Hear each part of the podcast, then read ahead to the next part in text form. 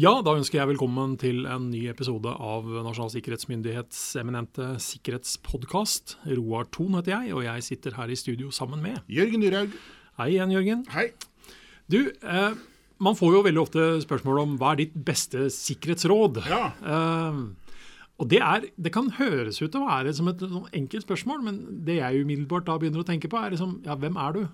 Hvilken rolle har du? Eh, Hva er, det, hva er det du egentlig spør meg om nå? Er det en bedrift, eller er du privatperson osv.? Situasjonen. Ja. Så nå tenkte jeg at vi skulle, vi skulle gå gjennom fem sånne eh, nivåer, om man okay. vil. Ja. Og så skal jeg utfordre deg, og så skal jeg si til deg, Jørgen Hvis jeg gir deg, jeg gir deg fem minutter med en gruppe med toppledere, hvilke tre sikkerhetsråd er det du vil gi dem da? ja. Ehm, og da, nå, nå tenker du sikkerhetsråd. eh, Jeg tenker eh, hva skal jeg si, cybersikkerhet. Ja, ja, vi, vi, ja, det er, ja. ja, vi får holde oss um, det første jeg ville gjort klinkende klart for dem, er dette er deres ansvar. Ja. Uh, du er sjef. Dette er en del av din portefølje. Bare, når du da kommer med et sånt råd, fordi at sant, Noen vil jo da si ja, men det er jo ikke konkret. Nei. Nei, men jeg skjønner hvorfor Ja. du kom med det rådet. Og det er basert på det at vi opplever at man faktisk ikke forstår at man har det at man ansvaret. har det ansvaret. Dette tror veldig mange er noe som kan skyves vekk fra mitt bord. Ja. Jeg tviler på de tenker på samme måte på alle andre ansvarsområder som er hva skal jeg si, dyttet inn i det å drive en virksomhet i Norge i dag. De skjønner intuitivt at jeg som toppsjef står ansvarlig for alt det denne virksomheten gjør. Også alt som ligger av de hva skal jeg si, støttefunksjonalitetene rundt. Men veldig mange ser ikke på hva skal jeg si, det forebyggende sikkerhetsarbeidet som en Strategisk greie. strategisk greie og en helt naturlig greie som også ligger på det samme bordet. Ja. Av en eller annen merkelig årsak. bare på en annen måte. Altså, altså, selv topplederen må tenke på passord. Men det er ikke passordrådet jeg ville ha gitt ham. hvis jeg hadde fem minutter. Nei. Men så skal det da sies at vi skal ikke krisemaksimere heller, for vi ser en helt klar forbedring i forståelsen av at man faktisk har det ansvaret. Men enn så lenge så er vi ikke fornøyd, Nei, så vi gir det rådet. vi gir det Ja. rådet fortsatt. Uh, og hvis jeg hadde gitt rådet i en gruppe, og en hadde da reist seg og slått i bordet med flat hånd og sagt at det er jeg klar over, så skulle han fått all kred i verden. Ja, fint. Eh, råd nummer to. Eh, og jeg forholder meg fortsatt da til eh, det digitale domenet. Så ville jeg ha foreslått at man erkjenner at man ikke forstår.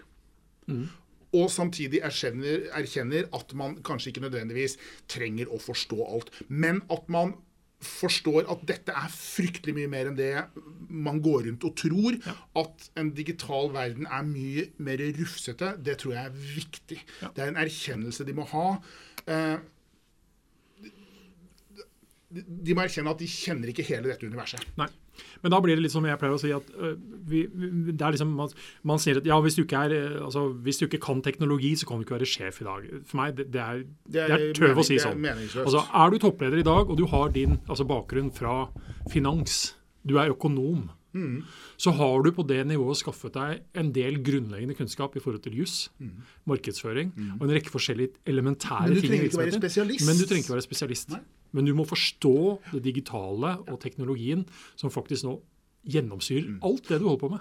Og jo mer du forstår av dette, jo mer øh, håper jeg at man innser at man ikke har hva skal jeg si, det totale verdensbildet. Ja. Og at uh, derigjennom jeg, kommer en grad av ydmykhet med, og en litt mer spørrende innstilling. Tredje, da. Sett virksomheten din i stand til å hva skal jeg si, analysere nå-situasjonen. Gi dem rom til å hva skal jeg si, tegne et kart over det terrenget de står i her og nå. Nå, nå tar jeg hva skal jeg si, i utgangspunkt at man egentlig står på null, da. Ja, Eh, Det men- gjør man jo sjelden.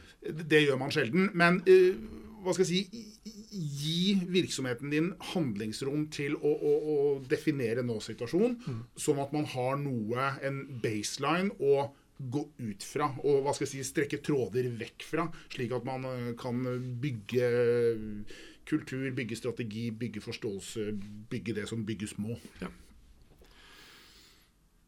Hvis jeg skulle ha gjort det samme, mm. uh, så er jeg helt enig i det du sier. Uh, bare for å oppsummere, så vil jeg utfordra de på den lille tida jeg eventuelt hadde igjen på de fem minuttene, med å egentlig stille de det første spørsmålet.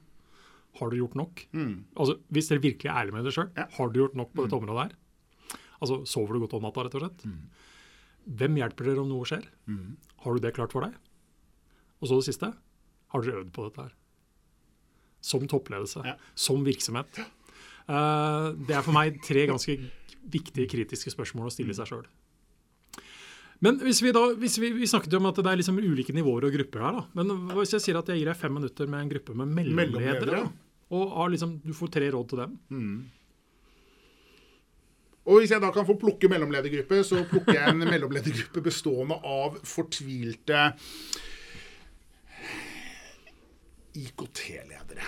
Det er, ja, okay, okay, det, det, det er, ofte dem jeg møter. Um, og da ville jeg ha rådet dem om å ta en titt på våre grunnprinsipper. De er skrevet hva skal jeg si, med denne gruppen som hovedmålgruppe. Uh, litt i gåseøyne, det også. Men grunnprinsippene gir en, en uh, starthjelp til å forstå um, en del tiltak som NSM da mener er generiske og viktige for enhver virksomhet å ta tak i og få på plass. Og de er skrevet også på en slik måte at de gir en innledende forståelse for hvorfor disse tiltakene er nødvendige, og øh, hvordan disse tiltakene skal, eller hvorfor disse tiltakene skal implementeres. Vi kan dessverre ikke si noe om hvordan, for det er jo nei, nei, nødvendigvis det, ja, lokalt ja. avhengig. Men det gir i hvert fall en starthjelp for ja.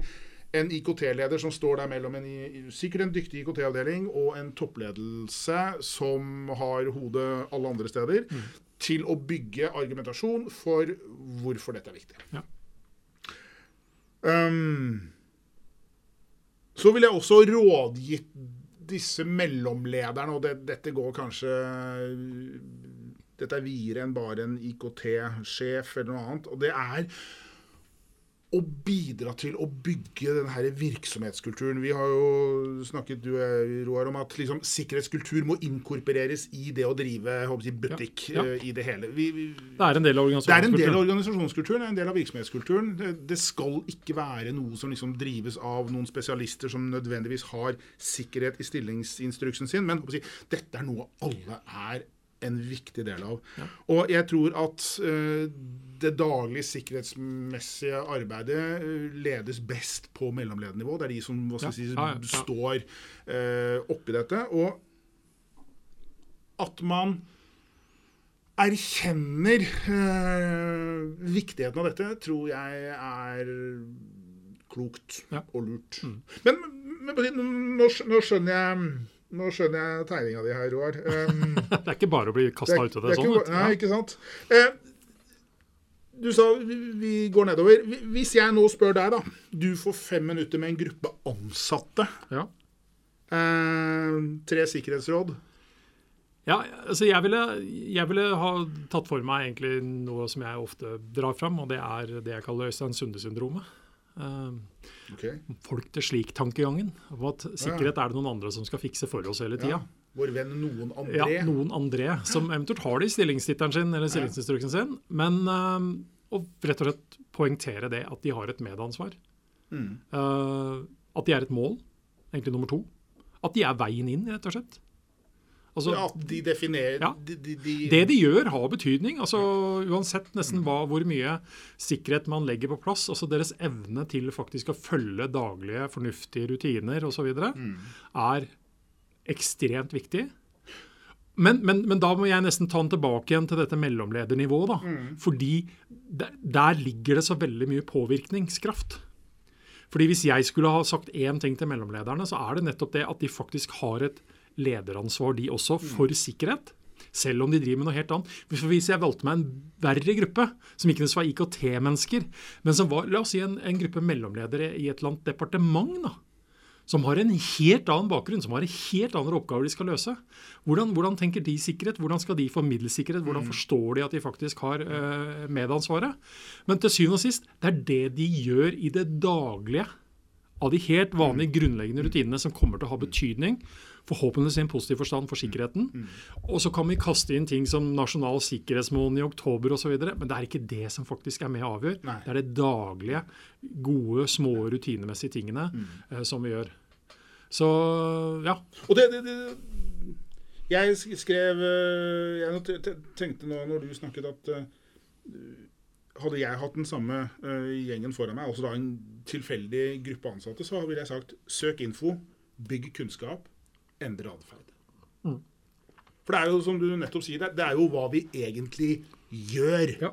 Og derigjennom hva vi ikke gjør, som til syvende og sist betyr noe. Ja, men- ikke hva vi har lært, og ikke hva som står i ringpermer, men hva som Ja. blir gjort. Men da er jeg tilbake igjen til toppledelsen her på mitt første spørsmål. Har du gjort nok? Altså, De må faktisk sørge for opplæring. De må sørge for at disse rutinene Og der, Alt dette er og der ser man hvordan den her eh, bekken egentlig renner. Ja, ja. Den renner ikke oppover, Nei, den renner absolutt nedover. ikke, absolutt ikke. Men hvis vi, hvis vi forlater virksomhetsperspektivet litt, og, så, kan vi si at ehm, vi alle, det er i hvert fall de fleste av oss, vi er ansatte på et eller annet uh, måte. Nivå, eller hva det måtte være. Men Og underlagt en eller annen rutine. ja, i en eller annen form. Men, men ta, ta to grupper som er i ytterpunktene. da. Så Hvis vi nå starter med pensjonister, og så hopper vi over til skoleelever som ennå Ja. ikke er kommet ut i arbeidslivet. Ja, okay. Eh, hvis du fikk fem minutter med noen, en gruppe pensjonister, da, hvilke tre sikkerhetsråd ville du ha gitt dem da? Ja, jeg, ville ikke, jeg, jeg hadde kanskje ikke begynt med et råd som sådan, men jeg ville nok eh, gitt dem ganske klar beskjed om at cyberspace ikke er et ufarlig sted, selv om det kan virke sånn. Ja. Mm. Uh, cyberspace kan ikke komme og bite deg i leggen som sådan. En sint hund kan det. Uh, og jeg tror nok at man som et godt voksent menneske Og det gjelder kanskje veldig mange flere også, man skal være litt forsiktig med å generalisere. Men man, man, man ser ikke egentlig de farene som lurer, fordi man tenker fysisk verden eh, inn i den digitale verden, og så oppleves ikke den digitale verden som skummel og farlig. Ja.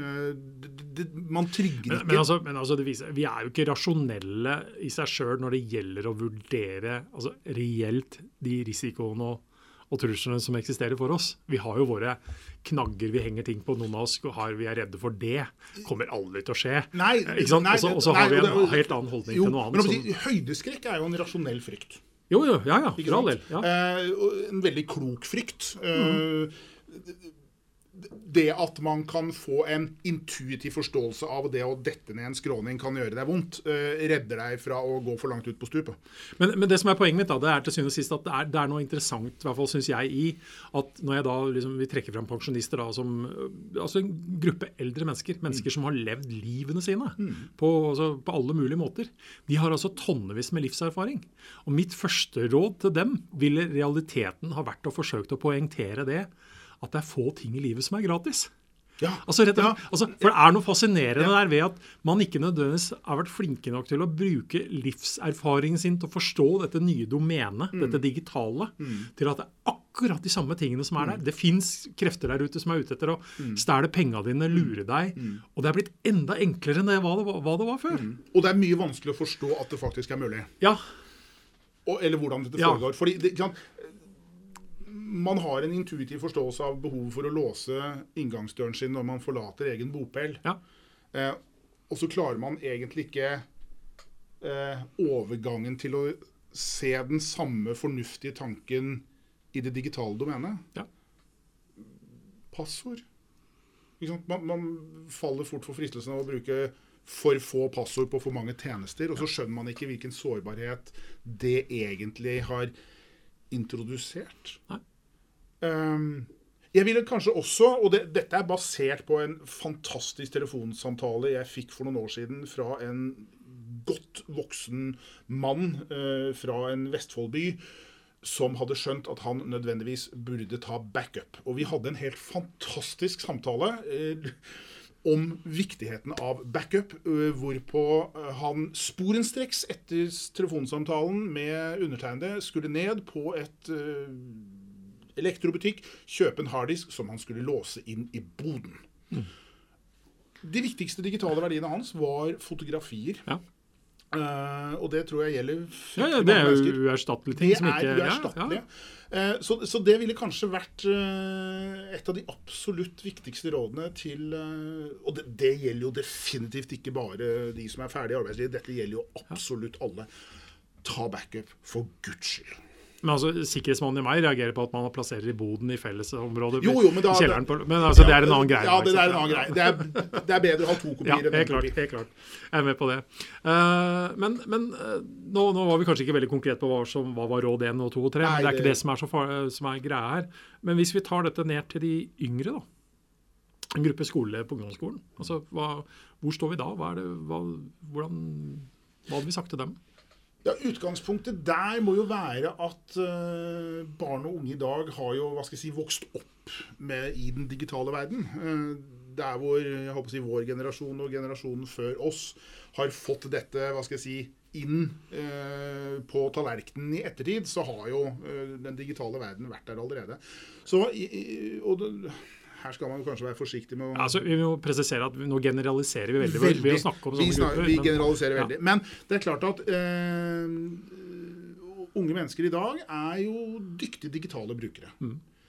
Jeg er ikke så overbevist om om de er sikrere digitale brukere. Jeg, jeg tror de er flinke til å ta i bruk løsninger. Jeg er ikke overbevist om at de er like innforstått med hva de egentlig driver med. Så til en eh, skoleelev i dag så ville jeg vel kanskje sagt at ting du gjør på internett, kan være betydelig mer alvorlige enn det du kanskje tror. Ja. Eh, Vi har jo hatt debatten om, eh, om eh, dette med å sende nakenbilder, Ja. eh, både sende og motta, som for det, det, Jeg har konferert med egne barn. De har aldri sendt eller mottatt. Jeg velger å tro dem på det. Eh, Men det, dette er åpenbart et fenomen. Jo, jo, men altså, men altså det blir litt sånn er det, vi, har, vi har vel hatt en podkastepisode eller to om det også. og Både du og jeg er jo noen ganger ute og snakker til den aldersgruppa, selv om det ikke er primærgruppa. Og jeg gjør et poeng av at jeg, skal ikke si at jeg oppfordrer til å ta nakenbilder, men jeg har sagt i mange sammenhenger vi må faktisk forstå at det gir deg noe å eventuelt gjøre det. Ja. Om det er spenning, bekreftelse, hva det måtte være. Og så, sånn, at, sånn at behovet for det, den eksisterer på et eller annet det, nivå. det skal man Ja. ikke underkjenne. Nei, og, og, og det skal man heller ikke moralisere over. Men det jeg egentlig ønsker, er at man gjør opplyste og bevisste valg i forhold til når man gjør det. Hva sluttkonsekvensene i verste fall kan være. Og er jeg, klar over, eller er jeg klar til å håndtere dem? Ja, og er altså, og hvis, hvis på mange måter frykten for det er mindre enn spenningen man opplever eller positive ved å sende bilde, Ja. så send nå bilde. Altså, for, men, men ta nå det bevisste valget, Yes. og ikke kom etterpå og si at ja, men nå skjedde dette, og hvordan dette skjedde. Ja. Altså, Jeg har vel sagt det før her at eh, men ting du legger ut på internett, har en sterk tendens å ende opp på internett. altså. Og det er forskjell på å ha rett og få Ja, rett. ja. Men, men, men, men jeg, du sa noe som, som jeg også har erfart eh, tilbake i 2007. Så, så begynte jeg å konsentrere meg og se litt på dette med sikkerhet og sosiale medier, for da var Facebook kommet, og det tok litt av. Du var tidlig ute. Jeg var tidlig ute, eh, men det var nå jobben min. og det vi da så, var jo veldig mange yrkesgrupper som eksponerte seg i ekstremt stor grad Mm. på sosiale medier. Folk som egentlig satt litt på spissen. Kanskje burde ha visst bedre. Ja. bedre, ja. Eh, Men det som var ganske interessant når man snakket med en del av disse, var at de var litt todelte. For du hadde den eldre garde som var betydelig mer skeptiske til Facebook. altså De har jo kommet seinere og tatt i bruk. Som har- egentlig hadde mentaliteten de har, ikke, de har ikke gjort det, altså rett og slett lagt ut informasjon på den måten. Det var deres tilnærming til det. Og så hadde de unge som da hadde lagt ut betydelig mer og tatt i bruk. Og deres litt sånn overraskende var ja, mener du at det er noen der ute som kan være ute etter dette og faktisk misbruke det? Så det er den derre litt sånn Naivt er et dårlig ord, egentlig. Men det er litt den forståelsen av at det eksisterer krefter der ute som i enda større grad, i mer og mer aktiv grad, søker, leter etter informasjon som kan brukes til positive ting og negative ting. Uh, så Ja, Ja. Det, er- det er den der usynligheten, ubegripeligheten, Ja. ikke-gripbarheten med cyberdomenet, som jo da, hva skal jeg si klusser det litt til for jeg håper å si, den menneskelige, rasjonelle hjernen, som jo da er fantastisk god til å forholde seg til fysiske farer og den fysiske verden. Så, så har man liksom nå konstruert en verden vi kanskje ikke helt sånn mentalt Ja. er i stand til å håndtere. Vi, vi, vi kan ikke stole på vår egen intuisjon. Nei. Men, men jeg, jeg ender alltid opp med ett ord, jeg, og det er ordet ansvar. Altså Om du er toppleder, eller om du er et enkeltindivid, om du går på Ja. skole eller pensjonist. Du har faktisk ansvar for å altså, passe på deg selv og dine egne verdier. Mm. Eh, og så er det da i ulike grader komplekst eller ikke, avhengig av hvem du er og hva du skal passe på. Men du er nødt til å erkjenne og forstå det ansvaret. Ja, ja. Og kanskje søke etter litt mer kunnskap og informasjon. Ja. Og ikke minst gjøre noe med det, da. Og ikke minst gjøre noe med det. Ja. Og jeg vil faktisk da også anbefale ungdom av i dag ta backup, de òg. De uh, Ja. ja, ja. En ting er å miste familiebilder. Man har kanskje ikke familiebilder, man har jo definitivt bilder. Men jeg tror det er like surt eh, og like lite interessant å miste en skoleoppgave, miste noe gruppearbeid, miste en semesteroppgave hvis du er student. Jo, øh, ja, men jeg tror altså, da må jeg over på et annet sosialt medie. Snapchat for eksempel, oppfordrer jo på mange måter Det er sånn øyeblikket som teller. Ja. Men det fantastiske bildet du faktisk tok via Snapchat, det er ikke liksom s- lagret. Eh, Ikke hos deg, i hvert fall. Nei, ikke hos deg. Ja, Det vet du aldri. Nei, det, det vet man Det er alle muligheter. Men da har vi, da har vi sittet her og småprata litt høyt og lavt om en rekke forskjellige råd til ulike grupper. Og så er det sånn at man noen ganger må identifisere seg litt selv og se sine egne behov. På hvem man er og hva man kan tenke over. Så håper vi at dette har vært eh, til noe til ettertanke. Og så tror jeg vi setter strek der og sier eh, takk for oss. Takk for oss.